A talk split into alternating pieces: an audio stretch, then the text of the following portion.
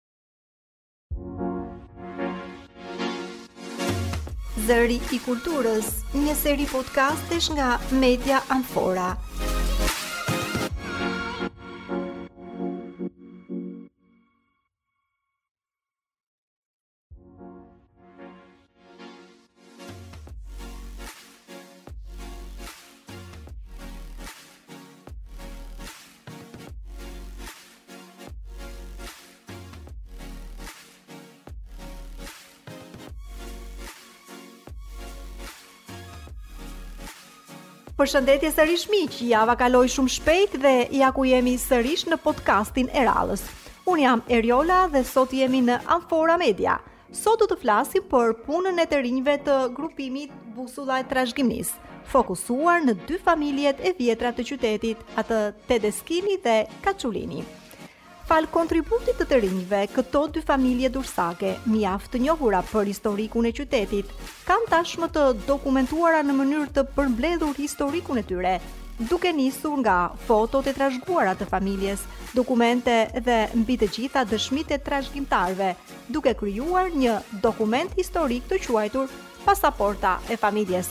Ja pra mësojeni, nuk kemi vetëm ne individët pasaporta, por dhe familjet. Sot jemi me përfaqësuesit e grupimit informal Busulla e Trashëgimisë, Arlis Muka dhe Beker Sioni, dy gjimnazistë të cilët janë bashkuar me procesin e mbledhjes së historikut të familjeve. Mirë se erdhët. Mirë se ju gjetëm. Ata në bashkëpunim me Media Amfora, përmes mbështetjes së Lëviz Albania, një projekt i Agjencisë Zvicerane për Zhvillim dhe Bashkëpunim, SDC, ka nisur publikimin e historive të përmbledhura të familjeve në formë pasaporte historike. Djema, a kishit më parë informacione për këto dy familje të vjetra durrsake, ose si të rinj, sa kishit dëgjuar, a kishit dëgjuar ndonjëherë për to? Po patjetër që unë kisha dëgjuar dhe kisha shumë informacion dhe nga gjyshi im, i cili është një brez i periudhës së ndriçimit të këtyre familjeve, dhe le të themi që kisha mjaftueshëm informacion sa për t'u bërë pjesë e kësaj nisme.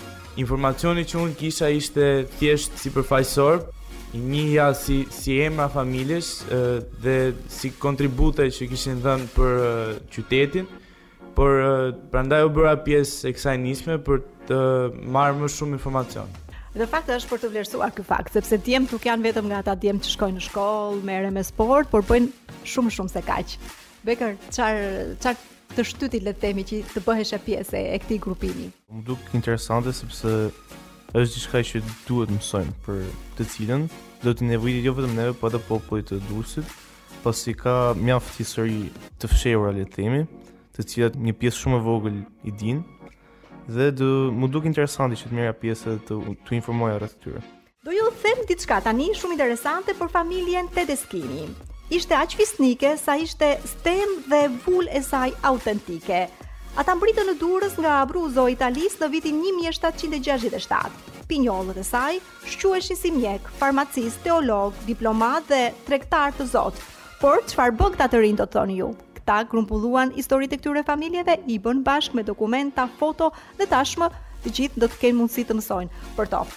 Çarë çarë keni sjellë me këtë projekt me me dy fjalë djema.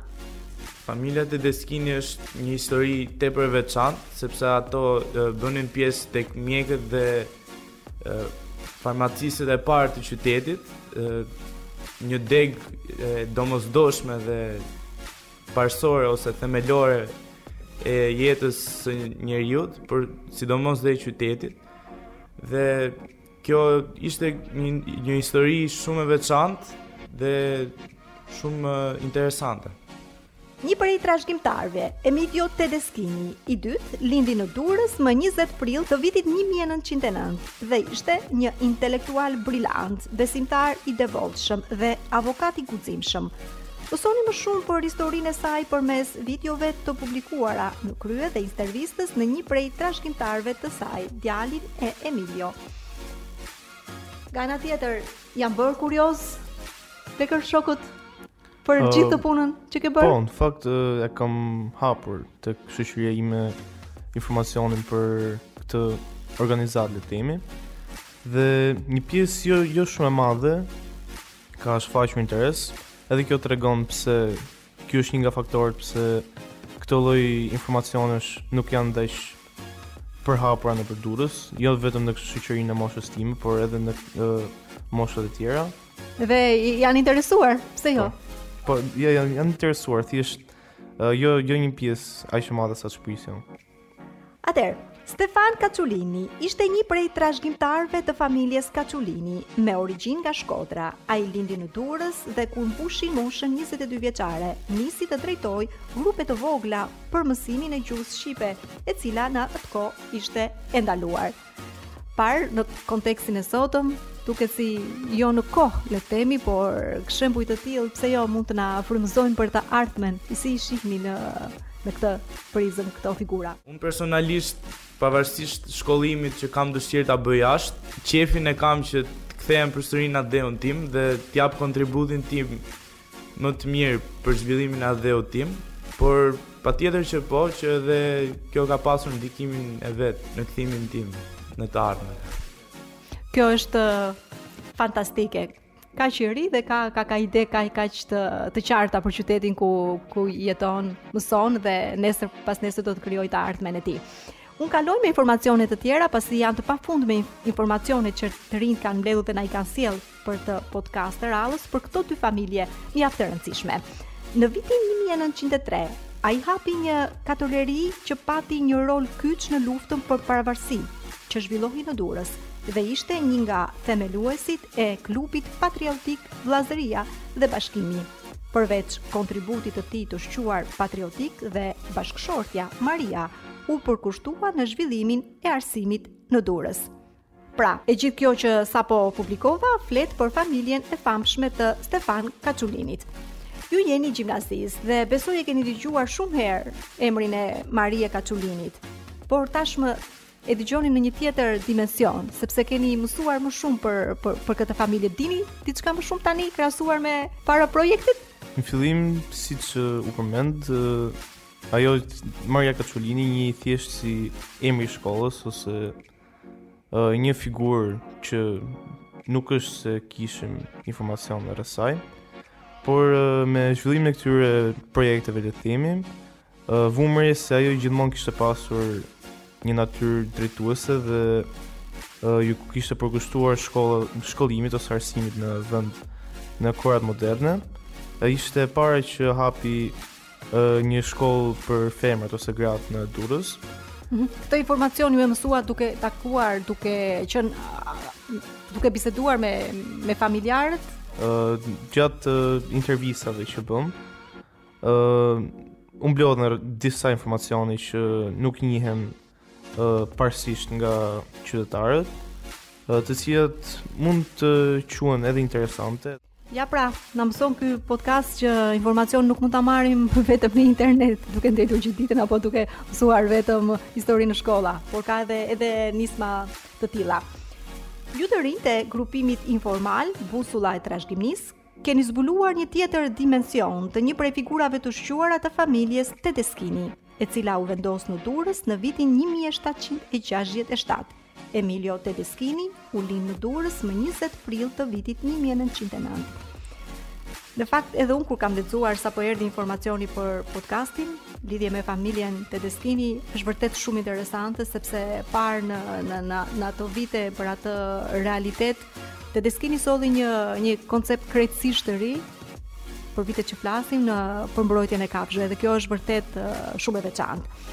Ai ishte i veçantë, jo vetëm për aftësitë e tij intelektuale dhe origjinën aristokrate, por dhe si një nga mendjet më të hapura dhe të guximshme që kishte Shqipëria e asaj kohe. Ende sot, banorët e Shkodrës i kujtojnë këshillat që Emilio i jepte në lidhje me trajtimin dhe mbrojtjen e kafshëve. Ai ishte një nga të paktët që protestonte, madje edhe ligjërisht, kundër dhunës që karrocierët ushtronin ndaj kuajve përmes fishkëllimit me kamzhik. Pasi përfundoi studimet e larta për drejtësi në Mynih të Gjermanisë, me shtëpinë e rënuar në Durrës dhe kur nuk kish mbetur më pothuajse asnjë nga familjarët e ngushtë, ai vendosi të transferohej në Shkodër. Tjema, çfarë impresioni ju lë juve? Që kjo që që sapo thashë në në ato vite kur kur Shqipëria ishte le të themi me sh, me shumë me shumë probleme, një njeri si Tedeskini që thoshte prit kujdes duhet t'kujdesemi edhe për kafshët. Si e shihni?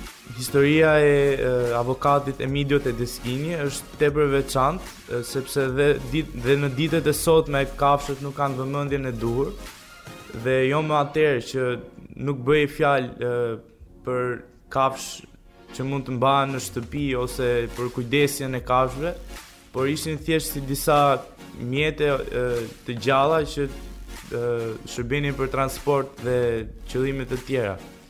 Ë Historia e avokatit Emidio Tedeschini është e jashtëzakonshme dhe e paimagjinueshme për në atë periudhë kohore që ai ka jetuar. Edhe pse shumë njerëz asaj kohe jam mjaft i sigurt se mund ta quanin një çmenduri ose një një ide pa plan që ai që ky personazh kishte ka ka pasur mjaft influencë pozitive në në në shoqërinë e sotme, në jo vetëm në Durrës, por në gjithë Shqipërinë, për mendimin tim.